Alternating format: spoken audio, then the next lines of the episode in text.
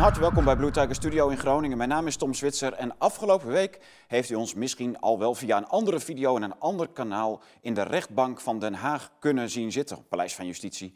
Wij hadden een zaak aangespannen tegen de staat omdat de NCTV ons twee jaar geleden in de dreiging terrorisme Nederland heeft vernoemd als een, ja, een, iets heel onduidelijks eigenlijk. Niemand weet eigenlijk waarom we daarin vernoemd zijn. Zij zelf ook niet en ze willen het niet rectificeren, maar ze willen ook niet dat wij het opvatten als dat wij een terroristische dreiging zijn. Nou ja, goed, waarom staan we er dan in? Dat wisten wij ook niet en daarom gingen wij naar de rechter om uh, ja, een rectificatie te eisen. Nee, niet een rectificatie, een schadevergoeding vanwege alle geleden schade die wij daar door die vermelding in dat rapport hebben geleden. Bijvoorbeeld gasten die niet in de studio willen komen omdat wij erin staan. Auteurs die hun boek niet meer of niet willen uitgeven bij de Blauwe Tijger omdat wij erin staan. En ga zo maar door. Dus wij hebben enorm schade geleden. Dat rapport, die vermelding in dat rapport, heeft ervoor gezorgd dat wij eigenlijk juist meer gemarginaliseerd werden en minder breed konden opereren dan wij altijd hebben gedaan en ook willen en wilden doen. En ja, dat is gewoon schade. Men heeft dus willens en wetens laster, smaad uh, gepleegd. En broodroof, zo ernstig vinden wij dat. Dus we zijn naar de rechter geweest. Daar waren een aantal platforms die de rechtszaak hebben geregistreerd. En één ervan heeft ons de beelden ter beschikking gesteld. En daar kunt u dus nu naar gaan kijken. U kijkt dan op de rug van mij en van de jurist van de Blauwe Tijger, Max Hazekamp. En uh, ja, hij heeft een schitterend betoog gehouden, een verweerschrift tegen allerlei aantijgingen die de NCTV in een eerdere fase van die rechtsgang al heeft geponeerd. Dus er is een schriftelijke voorfase geweest. Nou, die documenten zullen wij ook in de loop van de komende week, weken uh, gaan publiceren, zodat u het hele dossier kunt lezen wanneer u daar behoefte aan heeft en zin in heeft. In ieder geval, u kijkt nu naar een schitterend betoog in de rechtbank van Den Haag. En dan ziet u mij en de jurist en de rechter. En dan hoort u ook de jurist van, of de advocaat van de wederpartij. En die advocaat komt van de landsadvocaat Pels Rijken en de jurist daarbij komt van het ministerie van Justitie. En dat zijn de wederpartijen. Die wouden niet gefilmd worden, dus die komen ook niet in beeld. Deze rechtszaak tegen de NCTV is de derde die wij voeren. Er zijn ook twee eerdere rechtszaken geweest, of eigenlijk niet echt rechtszaken, maar wel zaken geweest waar wij heel veel met een advocaat in de weer hebben moeten zijn. En dat heeft veel geld gekost. Bijvoorbeeld heel veel smaad en laster op sociale media naar ons persoon. Daar is een advocaat mee bezig geweest. Maar ook de uh, rekening die door de ING-bank geblokkeerd is geweest en ook weer is opgeheven. Die ING-bank, uh, ja, dat is een uh, rare bank. En daar, maar daar hebben we dus ook met een advocaat een jaar lang mee moeten ja, procederen, zij het dan binnen commissies binnen de ING-bank. Dat is duur geweest, dat is een duur grapje geweest. Een andere zaak is geweest dat wij een, uh, ja, met de huisartsenpraktijk van mijn echtgenoot heel veel gedoe hebben gehad vanwege die vermelding in de NCTV en vanwege het werk wat wij hier doen. En dat zijn twee hele kostbare en tijdsrovende zaken geweest. Daar hebben wij destijds een donatiecampagne voor georganiseerd. En nou zou het ook leuk zijn wanneer u denkt van, hè, ik heb echt geen boek nodig, Tom, want ja, ik heb veel liever dat u een boek koopt of zo'n prachtig hoesje. Uh, zodat u ons steunt met, uh, met het werk wat we doen, maar ook zodat we die rechtszaken kunnen betalen. Als u nou echt denkt van ja, ik heb het echt niet nodig, maar ik wil je wel steunen, dan kan dat. U kunt de Blauwe Tijger steunen door een donatie te doen. De link vindt u onder dit filmpje naar de doneerknop op de website van de Blauwe Tijger. Bedankt. Nou, Tom, hè, dat was een heel weekje, dat klopt. Ja, we hebben het uh, druk ermee gehad en... We gaan nu weer vol aan de gang met de boeken. Die gaan, er gaan weer een aantal leuke titels naar de drukker. Uh, deze heeft u uh, al en masse besteld. Dat is een telefoonhoesje dat alle straling blokkeert. Dat is echt de bestseller van het hele najaar. Het loopt beter dan enige andere titel en daar zijn we heel blij mee. Ik had het niet verwacht, maar het is wel leuk als er iets gewoon echt heel goed loopt bij ons. Want daar kunnen wij dus weer van, nou ja, zo'n zaak van betalen of uh, nieuwe titels van uitbrengen.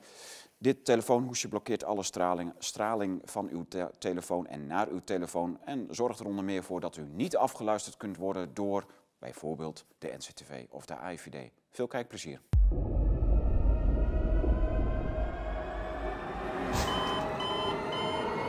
Bent er klaar voor? U bent er ook klaar voor? Goed. Dan begin ik uh, met te kijken wie hier zijn. Voor Stichting De Blauwe Tijger is hier meneer Zwitser, dat bent u denk ik. En eh, u bent bestuurder bij de Blauwe Tijger. Wat is uw functie precies in het bestuur? Eh, eh, secretaris penningmeester. En ik ben verder directeur en ja, run de dagelijkse praktijk van de uitgeverij. Okay, dank u wel. En meneer Hazekamp staat u hierbij als gemachtigde. Voor de staat is hier meneer u bent van de NCTV. En wat is uw functie daar? Ik ben juridisch adviseur bij de NCT. Juridisch adviseur. En u wordt bijgestaan door meneer Bierens.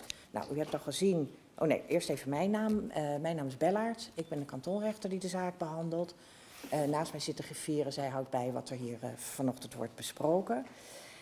U hebt al gezien dat er camera's zijn vandaag. Ehm, de persrichtlijn geldt en dat houdt in dat alleen professionals mogen worden gefilmd en niet het publiek en niet eh, mensen die dat niet willen. Eh, ik heb begrepen dat u daar geen bezwaar tegen hebt, meneer Zwitser, en dat u daar wel bezwaar tegen hebt. Dus de afspraak is dat u niet in beeld komt.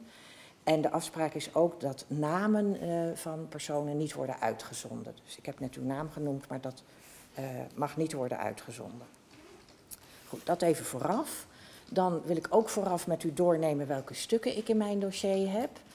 De zaak is begonnen met de dagvaarding van de Blauwe Tijger. Daar zaten ook al producties bij. Eh, daarna heb ik een conclusie van antwoord van de staat gekregen met producties. Onder andere ook een USB-stick met eh, diverse filmpjes daarop. En eh, daarna is er een brief gekomen van de kant van de Blauwe Tijger... met daarbij een akte die dan vandaag geacht wordt te zijn genomen. En daar zitten ook producties bij en dat is zeg maar deze doos met boeken. En die hebt u ook gekregen. Ik heb hem eh, niet meegenomen, maar Nee. eh, ik heb hem wel gekregen. Nou ja, mocht u nog iets willen citeren, dan staan hier de boeken en dat geldt voor u goed, natuurlijk goed ook. te weten. Ehm, en dat is wat ik in mijn dossier heb. Of in mijn doos heb, moet ik eigenlijk zeggen. Dus, oké. Nou, fijn dat iedereen dat heeft en dat u mij niet meer hebt toegestuurd. Dat is altijd goed om even vooraf vast te stellen. Eh, ja, wat de agenda van deze zitting betreft, ik heb eigenlijk niet zo heel veel vragen. U hebt al heel veel ge- gezegd in de stukken. Maar het is natuurlijk wel belangrijk dat de Blauwe Tijger de gelegenheid krijgt om te reageren op het eh, verweer van de staat. En eh, die krijgt u dan ook van mij, die, die gelegenheid. En de staat zal dan naar aanleiding daarvan ook vast nog wel weer het een en ander naar voren willen brengen. Ehm, als ik tussendoor een vraag heb, onderbreek ik u graag even. Want ik vind dat prettig om, eh, als we het ergens over hebben, om daarover ook gelijk mijn vraag te kunnen stellen.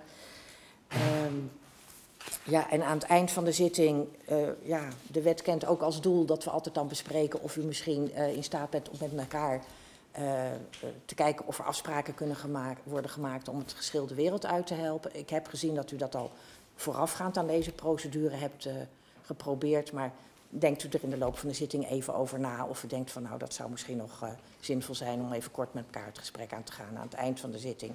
En zo niet, dan, eh, eh, dan spreek ik met u een vonnisdatum af. Eh, hebt u nog vragen of opmerkingen over deze agenda? Ik niet. Nee? Nee. Dan nog even een vraagje van mij. Hebt u misschien eh, aantekeningen van wat u wilt zeggen? Ja. ja. Eh, en geldt dat voor u ook of wacht u eerst af wat er van de andere kant komt? Ik, ik wacht even af. Ja. Eh, dan is het wel heel handig als u die aan de griffier wilt geven. Dat is prima. Ik heb voor iedereen zelfs eentje.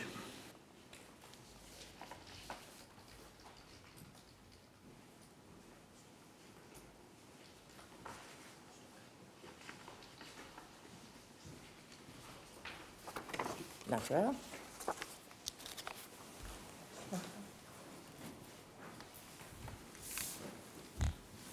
Eh, ik, ga heel sumier maar in op die parlementaire immuniteit. Dat is natuurlijk in de dagvaarding en alles al aan de orde gekomen. Eh, ik ga het meeste in op, die, op, de, op de feitelijkheden, de, de feitelijke onderbouwing van de, van de uitingen. Ehm, Oké, nou, edelachtbare vrouwen. Eh, ik heb er ook heer staan, maar dat wist ik voorafgaande zitting nog niet. Ehm, met de parlementaire immuniteit te beginnen. Het meest verstrekkende verweer van de NCTV is een beroep op parlementaire immuniteit. In de dagvaarding is erop reeds ingegaan. Een beroep op parlementaire immuniteit kan, mede op het recht op toegang tot de rechter, reeds niet slagen, omdat een evident verband ontbreekt tussen de publicatie van het terrorisme-rapport en een parlementaire activiteit, terwijl officieel geen sprake is van politieke meningen, maar van een vaststelling van feiten buiten het parlementaire debat. Ehm, dan zitten daar ook nog grenzen aan voor zover een beroep op parlementaire immuniteit in beginsel al wel zou kunnen slagen, want inmiddels heeft het Hof Den Haag een arrest gewezen dat met de stellingen van de Blauwe Tijger in lijn is, op 3 mei 2022.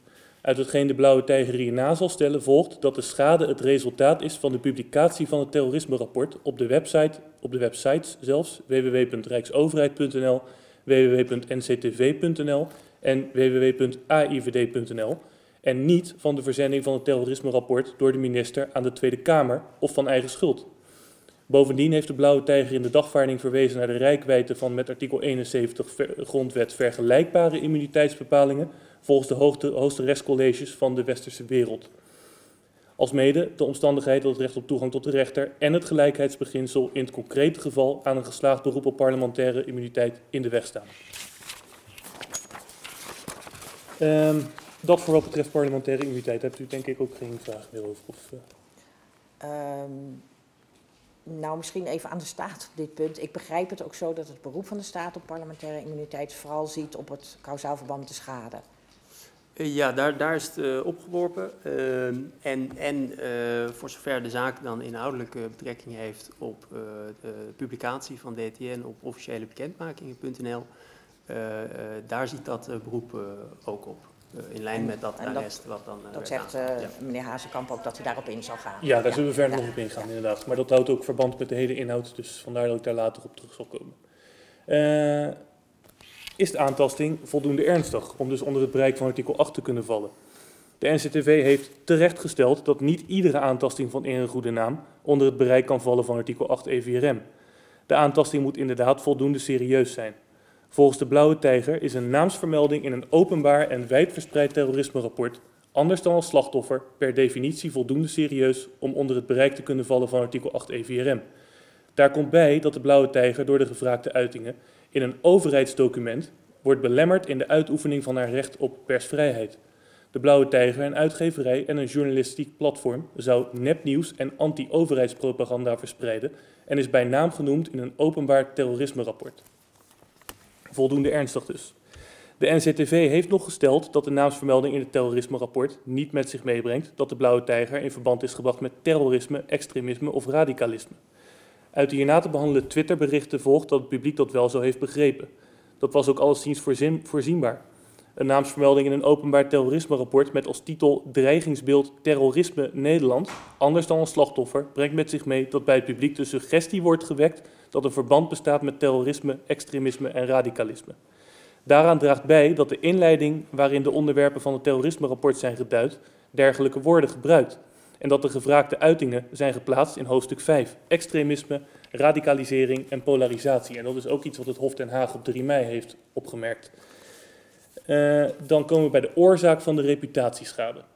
De NCTV heeft ook terechtgesteld dat de beschermende werking van artikel 8 EVRM niet met succes kan worden ingeroepen als de aantasting het resultaat is van de eigen handelwijze. Maar dat is nu niet het geval. Uit de Twitter-historie en de verschillende mediapublicaties volgt dat de Blauwe Tijger pas werd gehaat, bespot en buitengesloten na de openbaarmaking van het terrorisme-rapport. Voorafgaand aan de openbaarmaking was op Twitter nagenoeg geen negatief bericht te vinden. In verschillende Twitterberichten wordt ook regelmatig en uitdrukkelijk verwezen naar de vermelding van de Blauwe Tijger in het terrorisme-rapport. Daaraan is meer dan eens de conclusie verbonden dat de Blauwe Tijger een terroristische, extremistische en geradicaliseerde organisatie is. Dan wil ik enkele Twitterberichten voorlezen. Ik zal ze niet allemaal voorlezen, want die hebt u zelf in de producties kunnen lezen. Het zijn berichten die u ook hebt overgelegd bij de Die zitten ook in de producties, ja. Uh, productie 10. Uh, het eerste Twitterbericht. Blauwe Tijger, niet alleen voor al uw fake news, maar ook voor uw terroristische complotten. Lijstje nctv.nl. Dit is wel grappig. Uitgever Tom Zwitser van de Blauwe Tijger op terreurlijst NCTV antwoordt op elke kritische vraag, daarom moet ik lachen terwijl hij intussen elk feit toegeeft en zwelgt in complotdenken. Zeg, of wat is het? Ja, zeg, hoe zit het met uitgeverij De Blauwe Tijger, die een aantekening heeft bij de Nationaal Coördinator Terrorismebestrijding en Veiligheid, NCTV, en Hanse studenten stageplekken biedt? Valt dat niet onder radicalisering?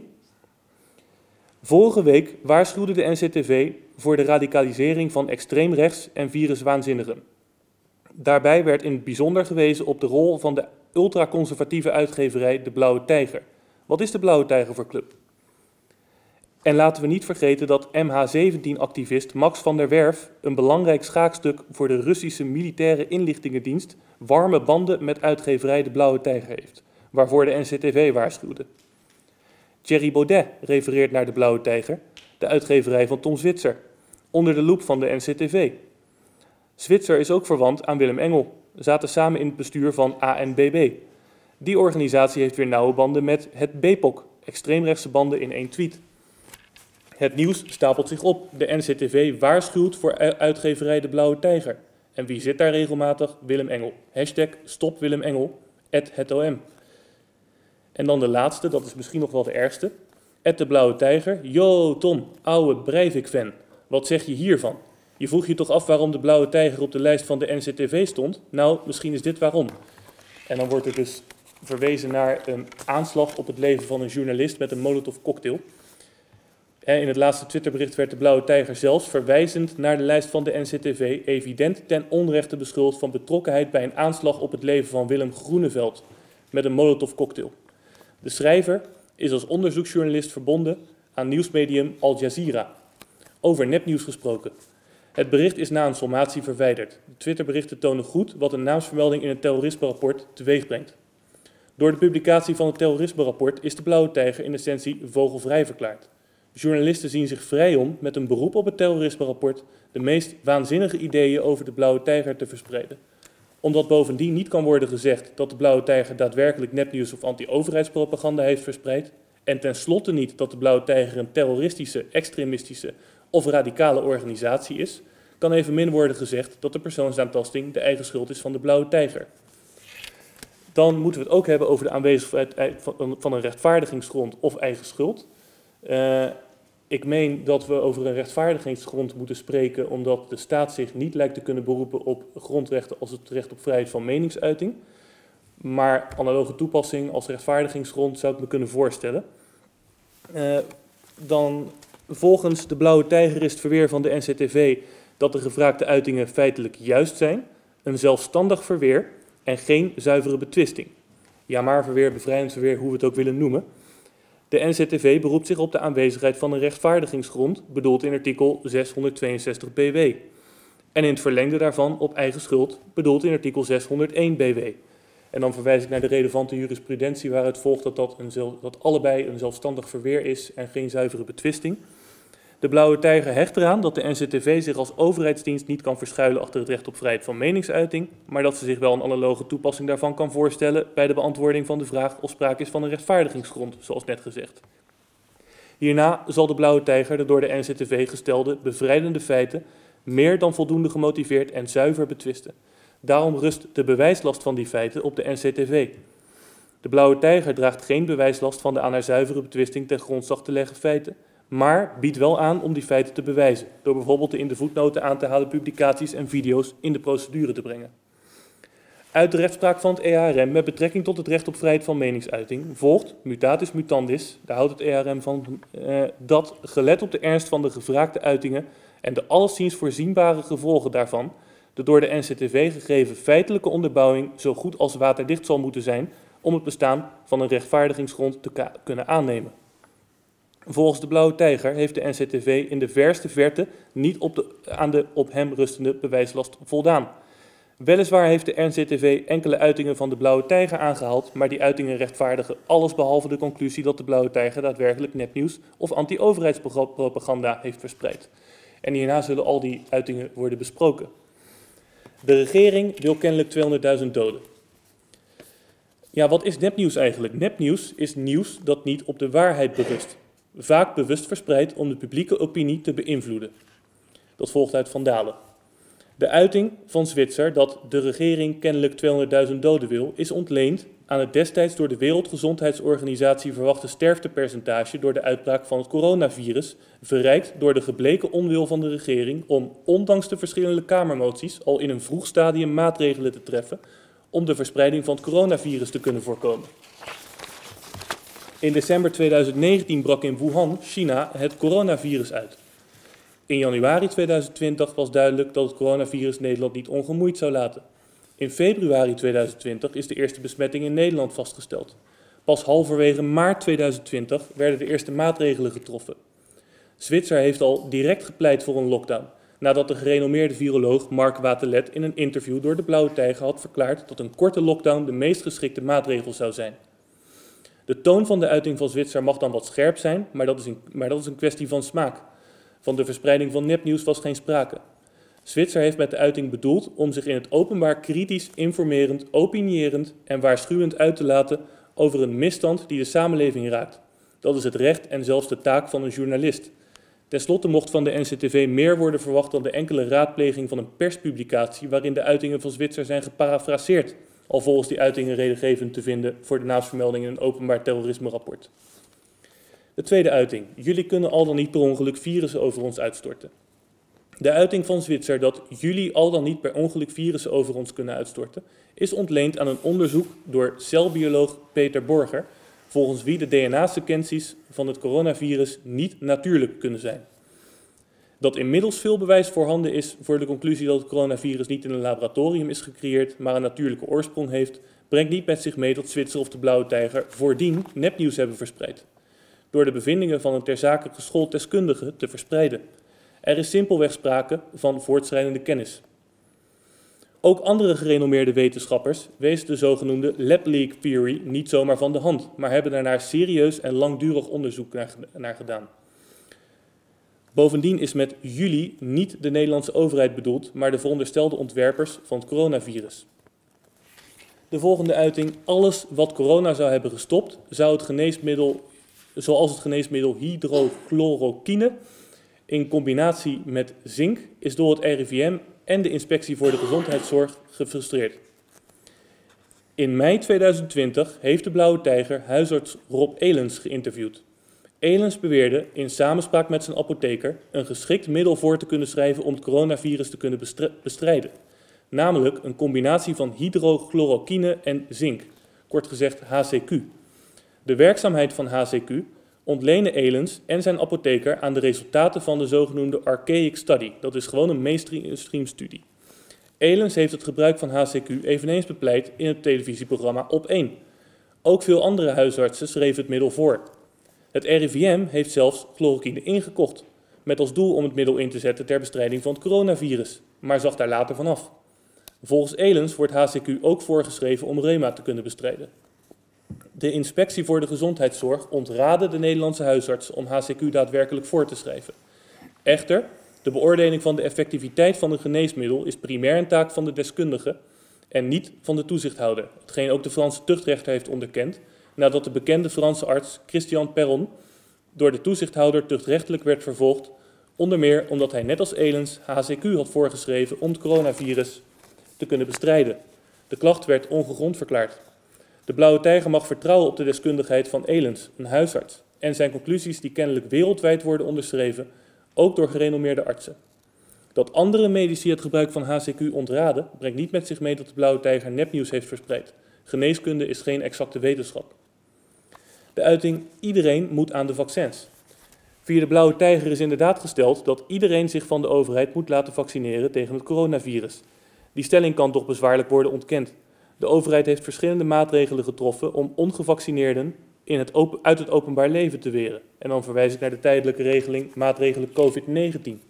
Uit de parlementaire geschiedenis volgt dat de achterliggende gedachte van de maatregelen, in strijd met de aanbeveling van de Raad van Europa, was om een ieder tot vaccinatie te dwingen. En dan wil ik even citeren wat Hugo de Jonge in het parlement heeft gezegd. Dan ga ik door naar de vaccinatie. We hebben inmiddels een hele hoge vaccinatiegraad opgebouwd. Dat is echt iets om dankbaar voor te zijn. Tegelijkertijd is er nog een behoorlijke groep niet geïmmuniseerd. Dat wil niet per se zeggen dat ze niet gevaccineerd zijn. Ja, daar is ook sprake van, bij zo'n 15% van de volwassen Nederlanders. Maar een deel van die mensen heeft wel de ziekte doorgemaakt en dus wel degelijk immuniteit opgebouwd. De hoogte en de homogeniteit van de vaccinatiegraad is een van de meest bepalende risicofactoren voor, voor dit najaar. Dat maakt dat we niet klaar zijn nu we die hoge vaccinatiegraad hebben bereikt. Hoewel 85% iets heel bijzonders is, willen we natuurlijk kijken of we nog verder kunnen gaan, zeker voor specifieke groepen. Wij denken ook echt dat er nog ruimte is om de eh, vaccinatiegraad verder te kunnen verhogen. Al zal dat niet meer zo massaal kunnen als we hebben gedaan. Het zal prik voor prik moeten. Dat betekent dat er ook hard gewerkt moet worden om iedere prik binnen te halen. En dat is dus ten grondslag gelegd aan de tijdelijke regeling, uh, maatregelen COVID-19. Uh, dan moeten we het ook hebben over de Great Reset. Dat is volgens de staat een complottheorie. De Blauwe Tijger hecht eraan dat het bestaan van het WF een feit is. Eveneens is een feit dat de Nederlandse overheid samenwerkingsverbanden met het WEF is aangegaan. Dat laatste volgt onder meer uit de op 7 november 2020 openbaar gemaakte WOW-informatie van het ministerie van Landbouw, Natuur en Voedselkwaliteit. De Great Reset, ook wel Build Back Better, is een strategie van het WEF die haar naam dankt aan het gelijknamige boek van oprichter en voorzitter Klaus Schwab. Uit het boek volgt dat de Great Reset tot doel heeft om een nieuwe wereldorde te creëren waarin nationale soevereiniteit wordt overgeheveld naar een wereldregering. Schwab suggereert dat de steun van de westerse bevolking voor, voor globalisering zal groeien als hun welvaart afneemt. En dan wil ik even enkele passages citeren uit het boek. Democracy and national sovereignty are only compatible if globalization is contained. By contrast, if both the nation state and globalization flourish, then democracy becomes untenable. And then, if both democracy and globalization expand, there is no place for the nation state. This requires policy solutions addressed in the concluding chapter and some form of effective global governance. Progress is indeed, is indeed possible in those global areas that have traditionally benefited from international cooperation, like environmental agreements, public health, and tax havens. This will only come about through improved global governance, the most natural and effective mitigating factor against protectionist tendencies. The more nationalism and isolationism pervade in the global policy, polity, the greater the chance that global governance loses its relevance and becomes ineffective. Sadly, we are now at this critical juncture, but bluntly, we live in a world in which nobody is really in charge. The vote for Brexit and the election of President Trump on a protectionist platform are two momentous markers in the Western backlash against globalization. Subsequent studies not only validate Roderick's trilemma, but also show that the rejection of globalization by voters is a rational response when the economy is strong and, and inequity is high. Met andere woorden, het doel van het boek is, of het doel van het WEF is een, een, een wereldregering, hè, wat je daar ook van mag vinden. Maar dat kan nog niet, want de economie gaat te goed. En daarom stemmen mensen meer nationalistisch. Dus de economie moet achteruit. Een veelbesproken boodschap van het WEF is: You will own nothing and you will be happy. dat is geen complottheorie, dat is gewoon letterlijk gepost op de Facebookpagina, de geverifieerde Facebookpagina zelfs met een vinkje van het World Economic Forum. Minister-president Rutte verklaarde zich openlijk solidair met de Build Back Better strategie. Hij zei: In this time of coronavirus, it's certainly a major crisis, but it also offers us a unique opportunity. Now is the time to make the changes we need to build a climate resilient world, to increase prosperity and to improve public health, but also to build back better. Dat moet ergens vandaan komen. Fostering green and inclusive recovery and achieve progress towards the 2030 Sustainable Development Goals, die ook door het WEF worden onderschreven. I can hope we can seize this momentum, aldus Rutte. Het is alleszins gerechtvaardigd dat de Blauwe Tijger als journalistiek platform de Great Reset onderzoekt en belicht. Van nepnieuws of een complottheorie is geen sprake. Ja, dan komen we bij een controversiële uiting. Door de vaccins van Bill Gates raakten 500.000 Indiase kinderen verlamd. De stelling dat Bill Gates in 2017 voor korte tijd India niet mocht betreden, omdat 500.000 kinderen door zijn vaccins verlamd zouden zijn geraakt, is afkomstig van Paul Craig Roberts, voormalig staatssecretaris van Financiën in de Verenigde Staten, onder president Reagan. Een valide bron. Roberts verwijst op zijn beurt naar advocaat Robert F. Kennedy Jr., zoon van Robert F. Kennedy Sr. en neef van president John F. Kennedy. Kennedy Jr. heeft het voorgaande grondig onderzocht en de resultaten gepubliceerd in zijn boek The Real Anthony Fauci. De door Bill Gates en zijn voormalige echtgenote beheerde stichting Bill and Melinda Gates Foundation is de grootste private, private geldschieter van de Wereldgezondheidsorganisatie en na Duitsland de grootste algemene geldschieter. Dat is geen complottheorie, maar volgt uit de openbare informatie op de website van de WHO. De stichting is ook een grote opdrachtgever van het RIVM. Dat volgt uit de informatie die is gepubliceerd op de website van het RIVM.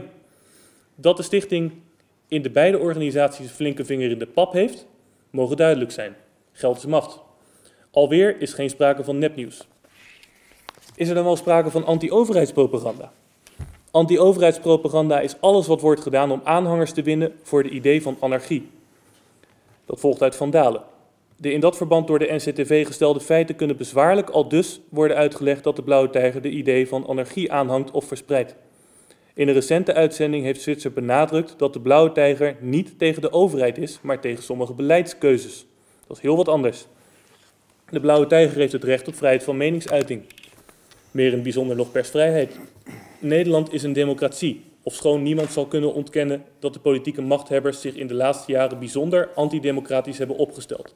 Toeslagenaffaire, functie om zich elders, gewiste sms'jes, etc. De uiting laten we eerst alle ambtenaren vaccineren. Zwitser heeft zich altijd kritisch getoond over de vaccins tegen het coronavirus. Daartoe is redengevend dat de vaccins in een relatief zeer korte periode zijn ontwikkeld. De ontwikkeling van gewone vaccins duurt doorgaans 10 tot 15 jaar. Volgens Zwitser kan door de korte ontwikkeltijd van de vaccins tegen het coronavirus niet vaststaan dat de vaccins daadwerkelijk veilig zijn. Cruciale testrondes zijn overgeslagen. Zwitser ontleende zijn conclusies aan de bevindingen van de door hem geïnterviewde huisarts Rob Elens. In hun latere boek Corona ontmaskerd nieuwe feiten, cijfers en achtergronden waarschuwen ook biochemicus Carina Reis en microbioloog Sugarit Bhakti voor de risico's van de vaccins. Niettemin is vanuit het ministerie van Volksgezondheid druk uitgeoefend op de bevolking om zich te laten vaccineren. In de video van 22 juni 2020 is dan ook op een gekscherende toon, dat kunt u ook in de video terugzien, het is niet serieus bedoeld, op een gekscherende toon gezegd dat de ambtenaren die druk uitoefenen op de bevolking om zich te laten vaccineren, het vaccin dan maar eerst zelf moeten nemen. Het door de NCTV gebruikte woord proefpersonen is door Zwitser niet gebruikt. Er is sprake van een wellicht onsmakelijk geformuleerde grap, maar niet van nepnieuws of anti-overheidspropaganda.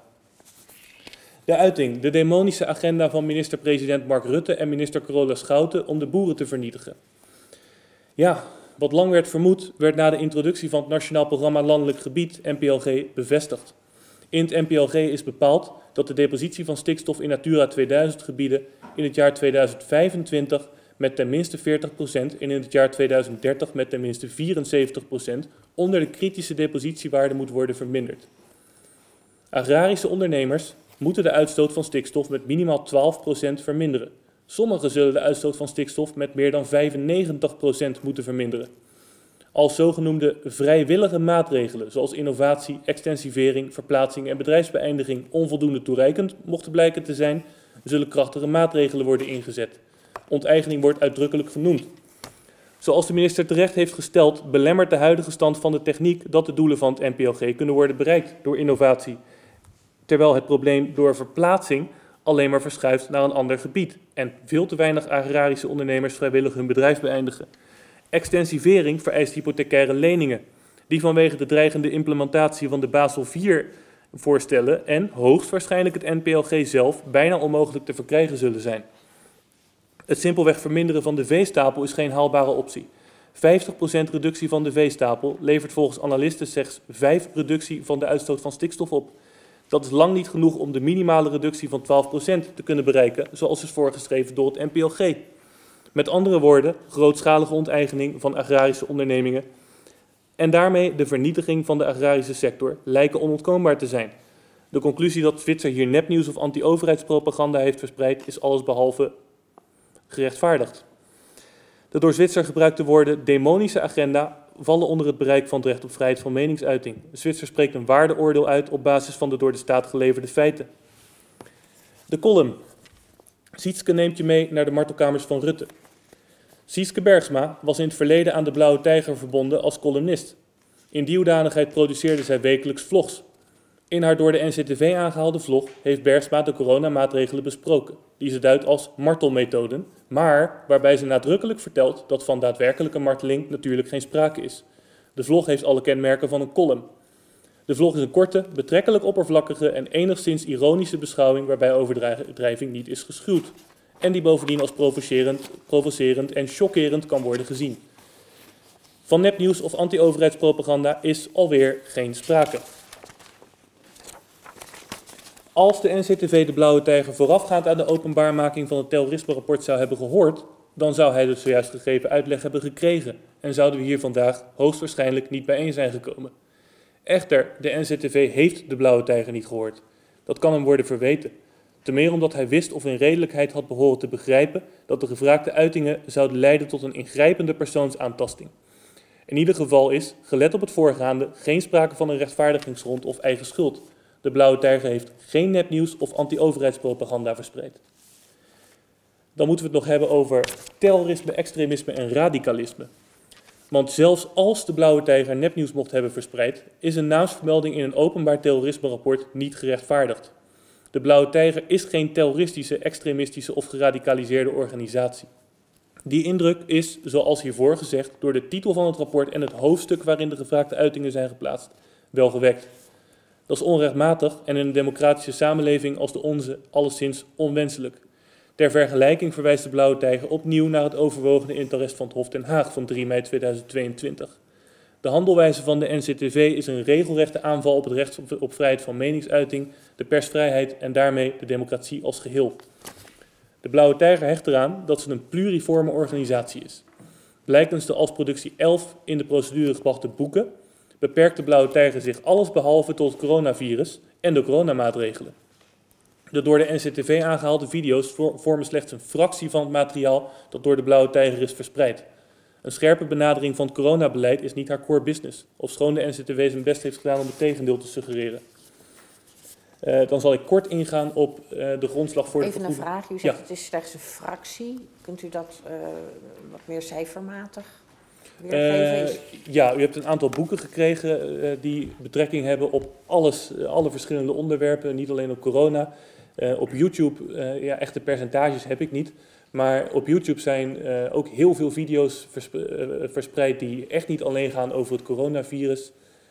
dat is hetzelfde op de website van de Blauwe Tijger lang niet alles, zeer lang niet alles gaat over het coronavirus en de coronamaatregelen. En als u wilt, ja, zouden we eventueel percentages kunnen aanleveren, maar dat zouden we dan even moeten berekenen. Nou, uh, ik vroeg het me af. Het is ook natuurlijk de vraag of het uh, heel veel ja. uitmaakt. Mag ik daar een opmerking over maken? Uh, wie zegt dat? De, ja. Sorry, door Kijk, al die microfoons een beetje moeilijk te horen. Ja, nou ja, goed. Als, als uitgever vind ik dat het mijn taak is om uh, boeken uit te geven die toch uh, raken aan het maatschappelijk debat. En uh, dat heb ik in de jaren die wij nu, in, in, ja, in die negen jaar dat wij nu bestaan, heb ik dat geprobeerd te doen. Dus wij hebben in verschillende ja, periodes, het heeft er is een tijd lang geweest dat er in Nederland heel veel over immigratie en islam te doen was, hebben we veel over gedaan. Er is een tijd geweest dat het regelmatig over geopolitiek is gegaan, hebben we ook een steentje aan bijgedragen. En zo hebben we dat ook gedaan met betrekking tot het thema van de boeren en ook met betrekking tot uh, corona en ook met betrekking tot de vaccinaties. Momenteel is een, uh, een Kamerdebat aanstaande over CBDC's, Central Bank Digital Currencies. Daar hebben we ook al vanaf september uh, publicaties over gedaan en uitzendingen over gemaakt en daar gaat ook nog veel over verschijnen. En ook daarin laten wij verschillende geluiden horen. Dus het is niet zo dat we op, op telkens maar één geluid of iets dergelijks. Ook op die gebieden die nu net uh, door meneer Hatenkamp besproken zijn, uh, hebt u andere geluiden? We hebben wel horen. geprobeerd om het heel divers te maken, ja. ja. Okay. ja. Dank u wel.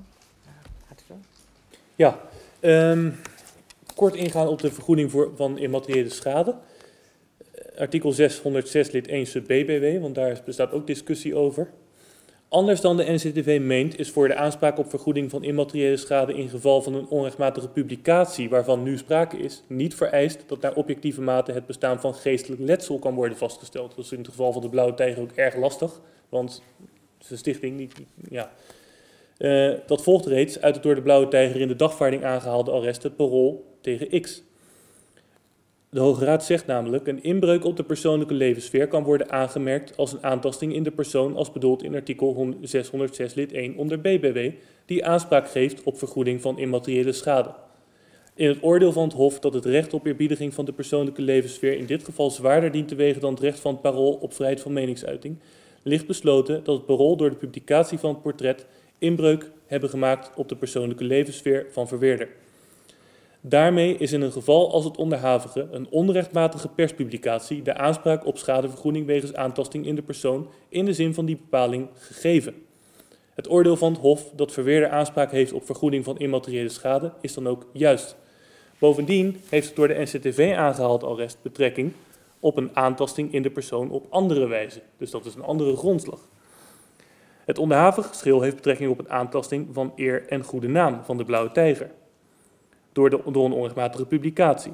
Juist voor dat geval heeft de Hoge Raad in het hierboven aangehaalde arrest een maatstaf geformuleerd. Zoals ook het Hof Den Haag heeft overwogen, is alleszins aannemelijk en voorzienbaar dat door de naamsvermelding in een openbaar terrorisme-rapport bepaalde personen en organisaties niet langer met de Blauwe Tijger willen samenwerken. Het Hof zegt namelijk: Het is alleszins aannemelijk en voorzienbaar dat de vermelding van de stichting in een dergelijk rapport, tezamen met de context waarin die vermelding in dit geval is geplaatst, bepaalde personen en organisaties ervan zal weerhouden om met de stichting samen te werken of een overeenkomst te sluiten. Uit de als productie 8 overgelegde getuigenverklaring volgt dat schrijver Giltij heeft besloten om, door de naamsvermelding in het terrorisme-rapport, zijn samenwerking met de Blauwe Tijger te beëindigen. Ook andere voormalige partners van de Blauwe Tijger hebben de samenwerking verbroken, zoals in ieder geval Sietske Bergsma. De Blauwe Tijger biedt aan dat de bewijzen door Bergsma te doen horen als getuigen. De potentiële toekomstige partners mocht, uh, mochten hebben besloten om met de Blauwe Tijger, die mochten hebben besloten om met de Blauwe Tijger überhaupt geen samenwerking aan te gaan, is allesbehalve uitgesloten. Maar haast onmogelijk te bewijzen. Want die bellen natuurlijk niet op van, hè, je staat in een terrorisme-rapport, dus we komen überhaupt niet meer bij je. Het terrorisme-rapport en meer specifiek de naamsvermelding van de Blauwe Tijger zijn wijd verspreid. Dat volgt uit productie 9, de verschillende perspublicaties. Door de beëindiging en het uitblijven van samenwerking loopt de Blauwe Tijger vanzelfsprekend inkomstenmist. Een vergoeding voor immateriële schade beoogt juist ook een remedie te bieden voor die lastig aantoonbaar, aantoonbare vermogensschade. Omdat de NCTV bij herhaling de fout is ingegaan, denk aan Kick Zwarte Piet, Muslim Rights Watch Nederland uit het arrest van het Hof en Farmers Defence Force, en allemaal hebben gelijk gekregen, al was het van de NCTV zelf, zijn alle ten onrechte bij naam genoemd in het openbaar terrorisme-rapport. En daarom mag van het toe te wijzen bedrag mede een afschrikwekkende werking uitgaan. Een hoog bedrag is dus gerechtvaardigd. Dat volgt ook uit de parlementaire geschiedenis. Ten slotte heeft een hogeschool de Blauwe Tijger door de naamsvermelding in het terrorisme-rapport op de zwarte lijst geplaatst van stagebegeleiders en heeft de bank de bankrekening geblokkeerd. Het kausaal verband, nou, dat, dat is eigenlijk al aan de orde gekomen tussen de regels door. Uit hetgeen in radnummers 2.3 tot en met 2.5 is gesteld en onderbouwd, volgt genoegzaam dat de reputatieschade het resultaat is van de publicatie van het terrorisme-rapport. Daarom is sprake van een kausaal verband tussen de reputatieschade en de verweten gedraging, bedoeld in artikel 698 BW. Tegenover hetgeen de Blauwe Tijger heeft aangevoerd, heeft de NZTV onvoldoende feiten en omstandigheden gesteld om de afwezigheid van een kausaal verband te kunnen aannemen. Dat is wat mij betreft de pleit. Dank u wel. Dan kijk ik naar meneer Wierens. Ja, uh, de, de, de nadrukkelijke opdracht van, van de rechtbank was, uh, maak, maak nou geen pleitnotities, uh, hooguit een korte aantekening. Dat lijkt dan uh, niet te, te zijn gelukt. wat ik wel kan doen is dat ik even alsnog... Ik vind het toch wel deze... fijn dat de reactie ja. ook wel op papier staat voor de griffier. Dus dat is... ja. ja. ja. Maar uh, uh, wat, wat, ik kan doen is dus uh, even op hoofdlijnen reageren op de pleitnotitie van meester Zou u anders even een korte schorsing willen hebben om wat uitgebreider te kunnen reageren? Ehm, nou, meer het punt wat ik wil maken is, hè, als we heel microscopisch op, op al deze verwijzingen en noem maar op willen reageren, dan, dan vergt dat natuurlijk iets, iets anders. dan zou je daar schriftelijk op willen reageren. Uh, uh, maar niettemin kan ik zo uh, 1, 2, 3 wel even de, de belangrijkste punten in reactie op de, op de pleitnota met u uh, delen. Ehm, dus ik, ik zou zeggen, zullen we dat doen anders? Ehm, nou, als u dan aan het eind daarvan gaat zeggen, ja, maar ik wil ook nog de gelegenheid krijgen om daar minutieus schriftelijk op te reageren, eh, dan is dat een beetje dubbelop wat mij betreft. Ja, ja. Ehm, nou, in dat geval stel ik voor dat we even schorsen. Dat we even kijken wat te doen en dan uh, van daaruit verder. Dat lijkt me een goed idee. En hebt u aan vijf minuten schorsing genoeg of moet het dan lijkt langer zijn? Ja? Ja. Okay. ja. Dan, uh, um, uh, ja, iedereen zit nu hier. Um, maar u wilt natuurlijk ook even goed met uw cliënt kunnen overleggen dan. Dus, uh, ja, dan wil ik toch iedereen maar weer vragen om naar buiten te gaan. Dat is dat, u kunt wel de camera's laten staan. Ik blijf hier zitten, ik zal alles in de gaten houden, maar dan uh, schorsen we even vijf minuten. Als u klaar bent, mag u vanzelf weer naar binnen komen lopen met iedereen. En dan uh, gaan we weer verder, hoeft iets weer de bodem. Doe het zo. Dank.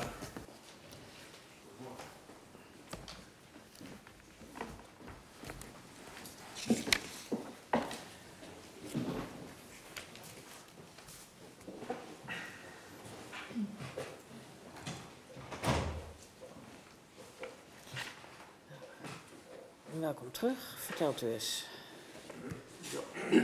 Hoe wilt u het aanpakken? Ehm, wij gaan toch nu eh, reageren.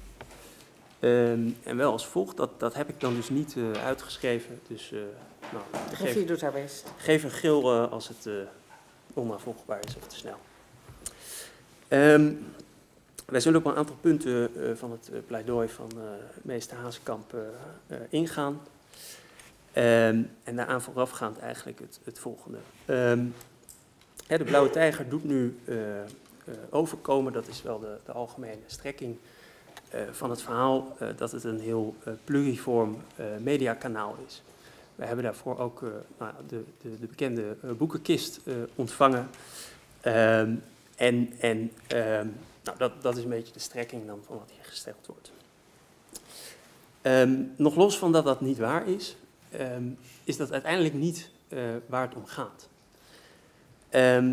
Hè, overigens is die blauwe tijger ook opgericht, juist uh, door meneer Zwitser, uh, zo verklaarde hij daarbij, om een ander geluid te horen dan tot dan toe in de door hem als, nou ja, zijn woorden D66 boekenwereld te laten doorklinken.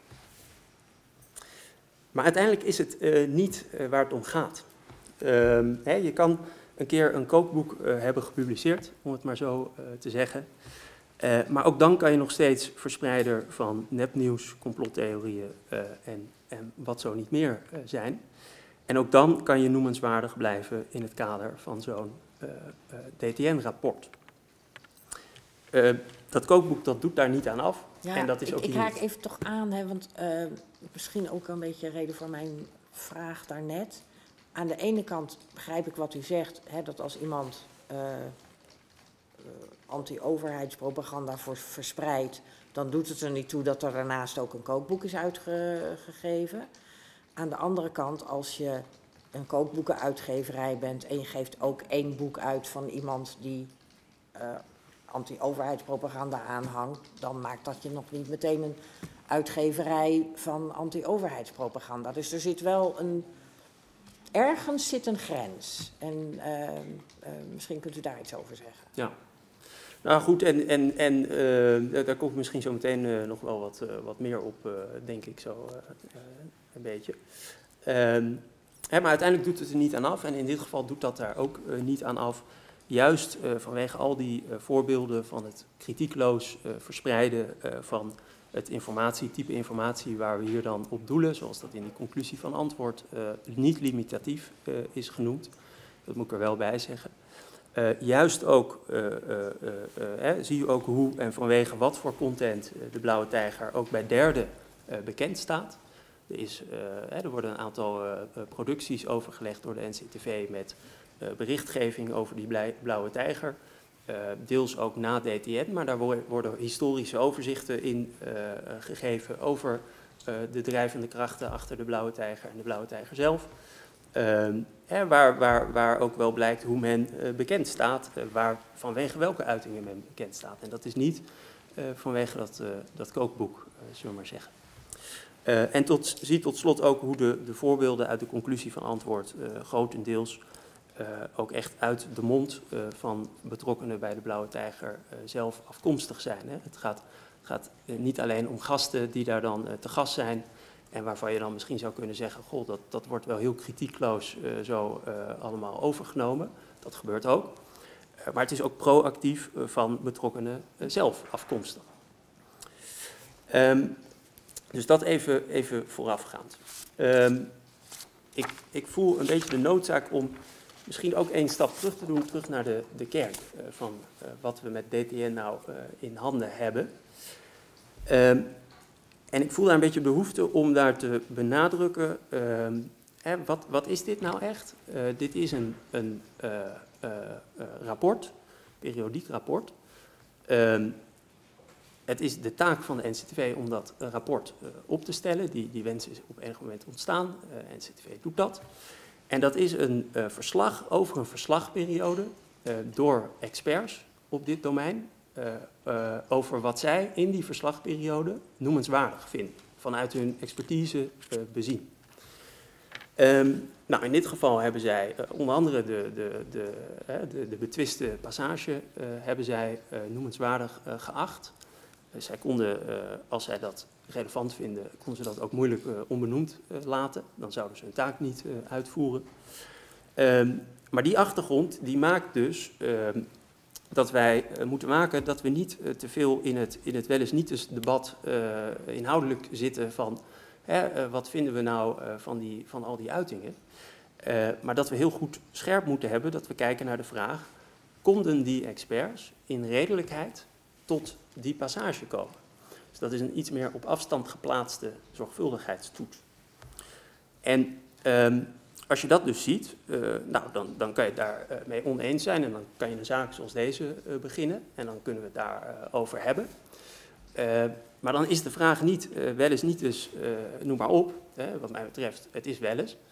u hebt maar... in, de, in de conclusie van antwoord gezegd, het is waar, dus niet onrechtmatig. En u zegt nu eigenlijk, eh, het doet er niet zo heel veel toe of het waar toe als de NCTV maar in redelijkheid tot, tot deze uh, formulering van deze passage kon komen. Ik zou niet willen zeggen, het doet er niet zoveel toe. Uh, het, het, hangt er natuurlijk nog steeds een beetje mee samen. Uh, maar in redelijkheid ergens toekomen, dat zit wel één stap daarvoor. Toets. Ja, het ja. zit er één stap voor. Ja, en u zegt dus dat... de rol van de NCTV, die, die, de taak van de NCTV, die zorgt dat je die toets moet, moet hanteren. Ja, maar ook in het geval van de andere toets zou de, eindstand hetzelfde moeten zijn. Nou goed, uh, uh, tegen die achtergrond. Nou, als we dan die, die achtergrond pakken en vervolgens kijken naar de, de uitingen die we, die we hier voorhanden hebben, die dus voorafgaand zijn gegaan aan dat DTN-rapport, althans de publicatie daarvan, ehm, ja, dan heb je het nogal ergens over. Ehm, we hebben het over oproepen om uh, de vrouwen van CEO's aan te spreken uh, uh, in de supermarkt met, met ze mee te lopen, om bestuurders thuis op te zoeken en hun villa's te blokkeren. Nou, we weten wat er in de jaren daarna is gebeurd. fantasieën over het gebruik van ambtenaren voor, voor het testen van vaccins. We hebben het over uh, het, het uh, uh, nou ja, de, de, demonische agenda kwam al even voorbij. een corrupte koning die, die met kwaadaardige bedoelingen strategische benoemingen zou verrichten op belangrijke posities.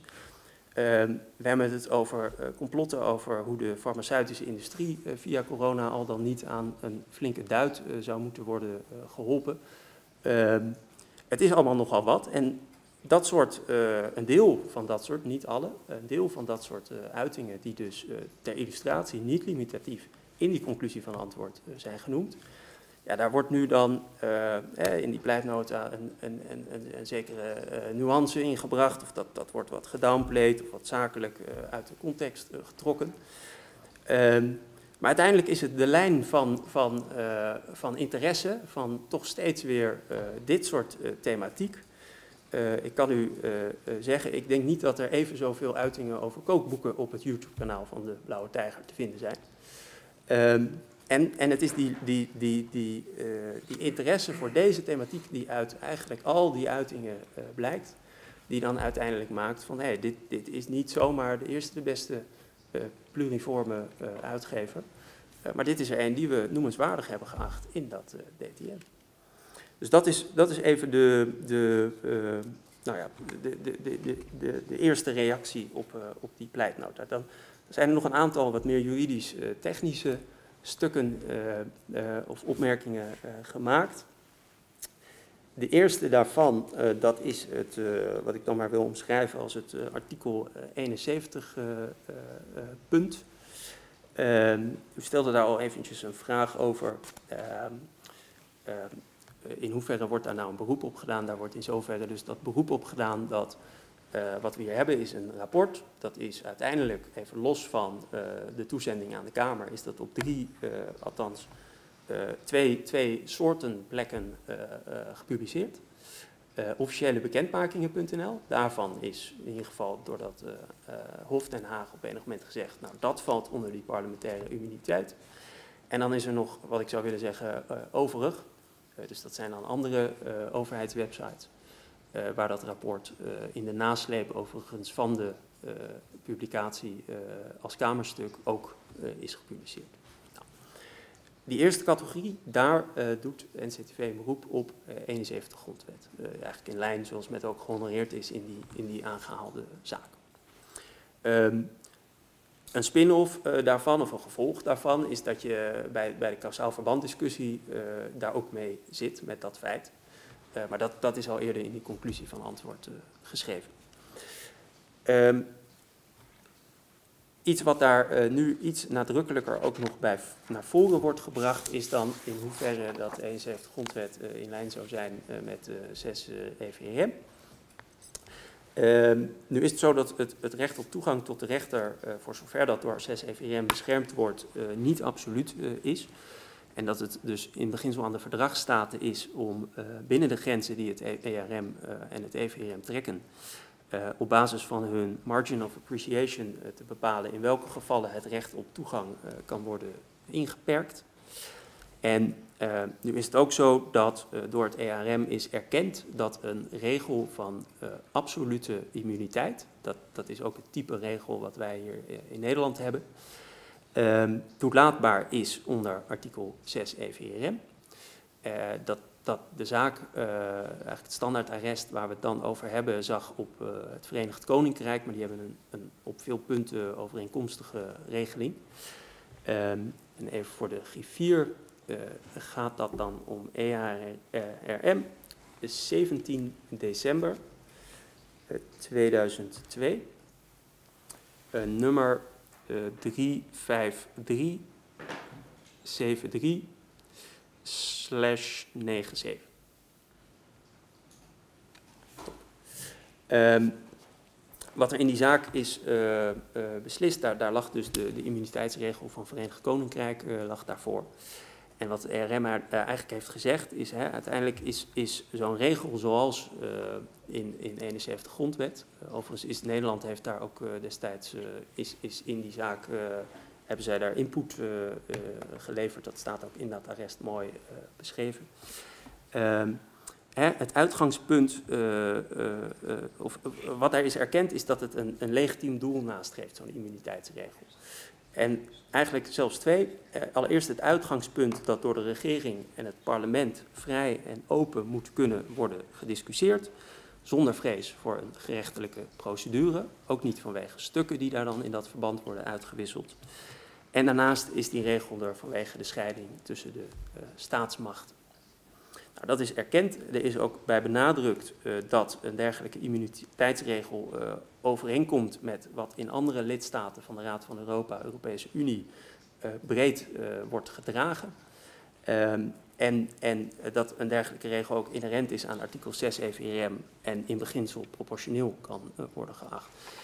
Het, het dient denk ik niet zo'n doel om het arrest nu nog uitgebreider te bespreken, maar ik, ik verwijs daar misschien maar gewoon even naar. Um, dan de verdere inhoud um, van het uh, stuk. Ja, dan is er nog het schade-aspect. Um, waar dan nu ook wordt verwezen naar een productie van een meneer die die aangeeft, uh, hè, ik, ik, ga niet meer bij de Blauwe Tijger uh, publiceren in de toekomst. Um, en, en, misschien meer in algemene zin, uh, daar blijft het standpunt van de NCTV toch, ja, er is hier geen immateriële schade. Ehm, kijk, wat dit, dit, is, dit is een meneer die, die kennelijk niet, althans zo stelt hij, niet meer publiceert bij de Blauwe Tijger. Ehm, maar tegelijkertijd ook nog steeds zulke warme banden of gevoelens voor die blauwe tijger koestert. Uh, dat hij zich bereid heeft gevonden een, een, een lijvig stuk uh, te schrijven met, met nou wat zal het zijn, 50 bijlagen. juist omdat hij het zo onterecht vindt, die, die opname. Nou, dat, dat kan je vinden. maar uit niets blijkt is dat hij nu zelf slechter over die blauwe tijger is gaan denken, in tegendeel. Uh, dus dat, dat is gewoon simpelweg geen immateriële schade. Ehm, ja, voor het overige eh, eh, beperk ik mij wel dan tot die conclusie van antwoord waarin staat. Hè. Kijk, uiteindelijk was die naam ook uh, onder overlegging van producties voorafgaand aan DTN ook al niet best. en die is eigenlijk onverminderd niet best gebleven. Ehm, dus ook in zoverre is daar geen schade nog even los van dat kausaal verband stukje. Uiteindelijk moeten we ook onderkennen wat we ook van, de, van, van het stuk vinden. Het had rechtmatig gepubliceerd mogen zijn op officiële bekendheid. Ik onderbreek u even. Ik wil het publiek vragen om niet te praten uh, met elkaar als uh, wij hier aan het woord zijn. Want dan vind ik het veel moeilijker om te luisteren. En ik vind het belangrijk om goed te horen wat iedereen zegt. Dank u wel. Ja, gaat u verder. Ja. Uh, nou, dat, dat, was het eigenlijk ook wel weer een beetje.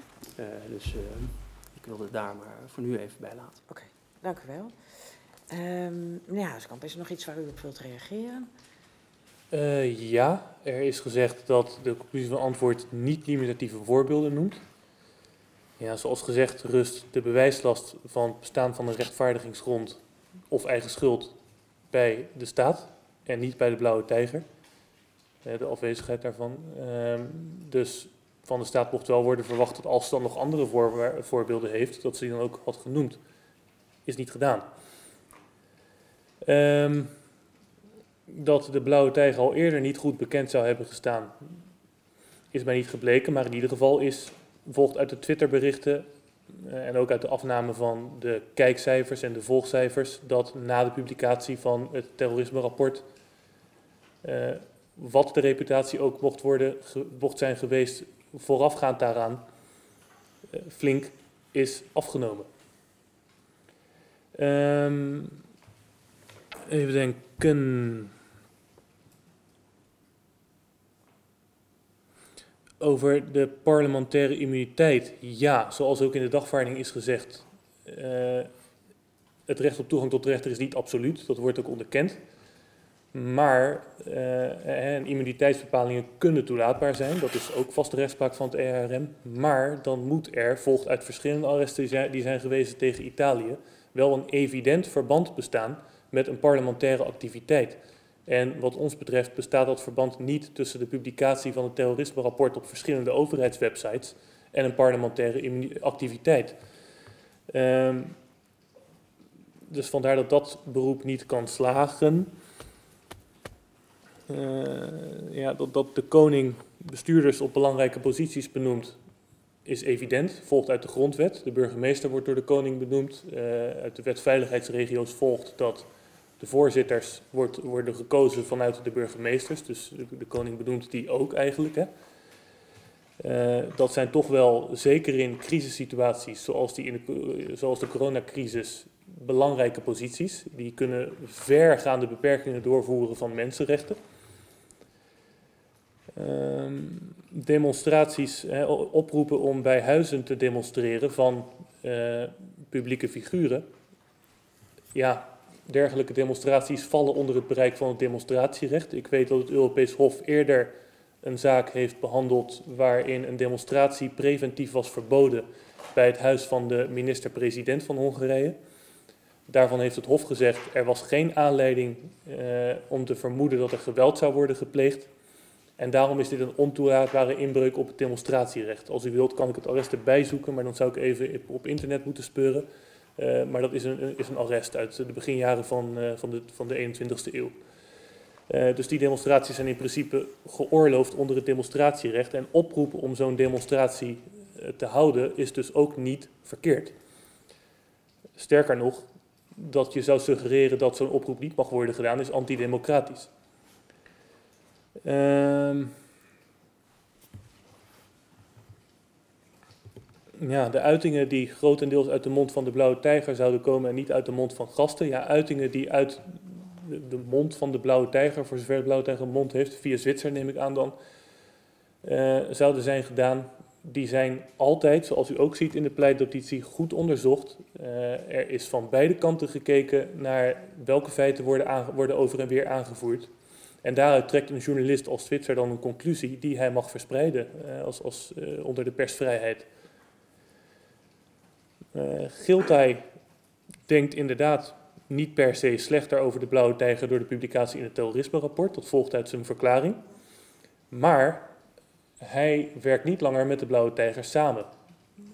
Daaruit volgt dat de reputatie van de Blauwe Tijger is geschaad door de publicatie in het, door de naamsvermelding in het terrorisme-rapport. Want hè, als mensen niet langer met de Blauwe Tijger willen samenwerken door een naamsvermelding in het terrorisme-rapport, dan betekent dat dus dat ze niet langer met, willen samenwerken met de Blauwe Tijger, omdat de Blauwe Tijger een slechte reputatie heeft, Hij heeft gekregen. schade. Hij is ook bang voor de schade, inderdaad, gilt hij. Dat volgt ook uit de verklaring. Hij is zelf bang voor eigen reputatieschade als hij nog met de Hij Blauwe zegt, Tijger eh, de blauwe tijger heeft bij anderen een slechte reputatie en daarom wil ik er niet mee. En dat, dat geldt ook voor Bergsma. Dat geldt ook voor Bergsma, wat ook wordt, hè, zoals gezegd in de pleinnotitie, de Blauwe Tijger biedt aan dat te bewijzen.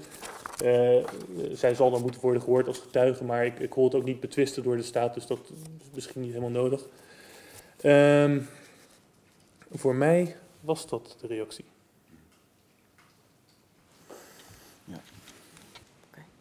Dank u wel.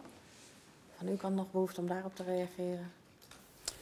Ehm, nou, alleen dat, dat eh, het, het afnemen van kijkcijfers, wat, wat door allerlei eh, manieren kan zijn gekomen en wat ook niet eh, aannemelijk wordt gemaakt, dat dat geen graadmeter is voor eh, de, de al dan niet goede naam die iets of iemand heeft. Ik eh, weet heel veel eh, YouTube-kanalen met een hele slechte naam, maar ook met heel veel eh, eh, kijkcijfers. Wil jij nog iets toevoegen? U Verder? Nee? Ehm, ik heb ook verder geen vragen meer, dus dan eh, zijn we aan het eind van deze mondelinge behandeling gekomen. Eh, nou, u hebt veel gezegd. Ik eh, zal er goed over gaan nadenken en dan krijgt u mijn beslissing op 20 december. Dus, Eh, wij zouden wel een schikking willen beproeven, als de Oh. staat ervoor open staat. U hebt gelijk, ik heb dat gezegd aan het begin van de zitting. Natuurlijk, dat moet ik u nog even vragen. En goed dat u het zegt, ik kijk ook naar meneer Berends. Eh, eh, proberen kan altijd. Ja, nou. eh, eh, ik kijk even, want mijn volgende zitting begint om 11 uur. Dus eh, u hebt daar zeker nog even tijd voor. Eh, dus dan schors ik de zitting en dan eh, geef ik u de gelegenheid voor overleg. Dus, als u klaar bent met uw overleg, mag u weer vanzelf naar binnen komen. En als wij het te lang vinden duren, komen we even kijken. Dus ik wil ook het publiek vragen weer naar buiten te gaan. Ja, natuurlijk.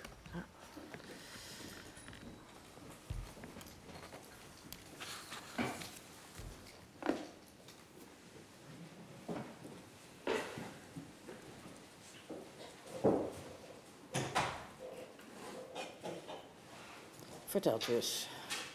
Eh, wij gaan eh vonnis vragen. Dus, eh, u wilt daar nog iets over zeggen? Ja, ik heb dan wel een vraag. Eh, mag ik de advocaat van de wederpartij eh, die vraag stellen? Daar is in principe deze zitting niet voor bedoeld en het is ook niet nodig, want u kunt het ook gewoon op de gang aan de advocaat vragen. Eh, ja, Als u iets wilt zeggen, dan ja. Nou ja, goed. eh, Ik werd geconfronteerd met een, eh, met een mededeling. En eh, ze hebben nu net DTN eh, 57 uitgebracht in oktober. Ehm, daar wordt eh, wederom melding gemaakt van een lijst van 20 organisaties. Rond en nabij de 20 organisaties. Ehm, of een opsomming. En ik ben benieuwd of de Blauwe Tijger op die lijst staat. U bent bang dat u ook in dat rapport eh, genoemd wordt. Nou ja, de- er is blijkbaar sprake bij de NCTV van een lijst.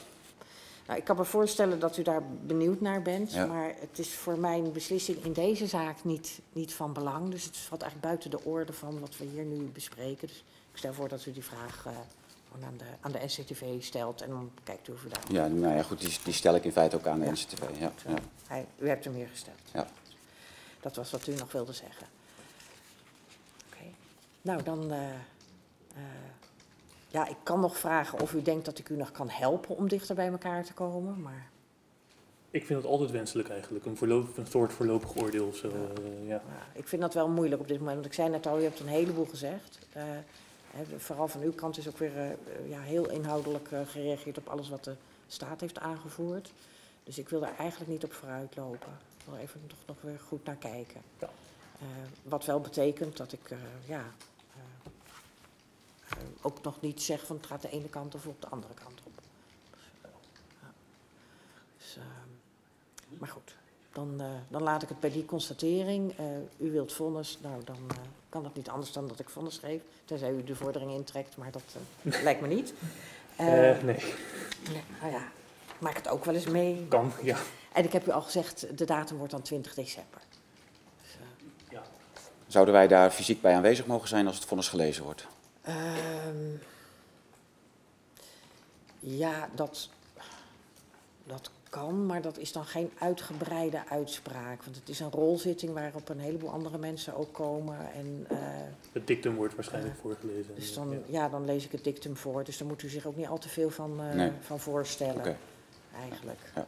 Dus, eh, Nee, maar het is fijn als we eventueel bij aanwezig kunnen zijn. Ja, het is wel fijn als u het dan van tevoren even eh, doorgeeft. Want dan zorg ik dat ik het ook bij Ja. me heb op die zitting. Want normaal ligt het gewoon alleen maar bij de griffie. Dus, eh, Zwitser zal sowieso aanwezig zijn. Ja, graag. Ja, oké. Nou, dat is goed, dan noteer ik dat. Dus, eh, geldt ook voor u natuurlijk, eh, dat u daarbij kunt zijn als u dat wilt. Het is een openbare zitting tenslotte. Goed, nou, dank voor uw komst en voor uw toelichting. En dan eh, sluit ik hierbij de zitting. Dank u. Dank u wel. Dank u wel.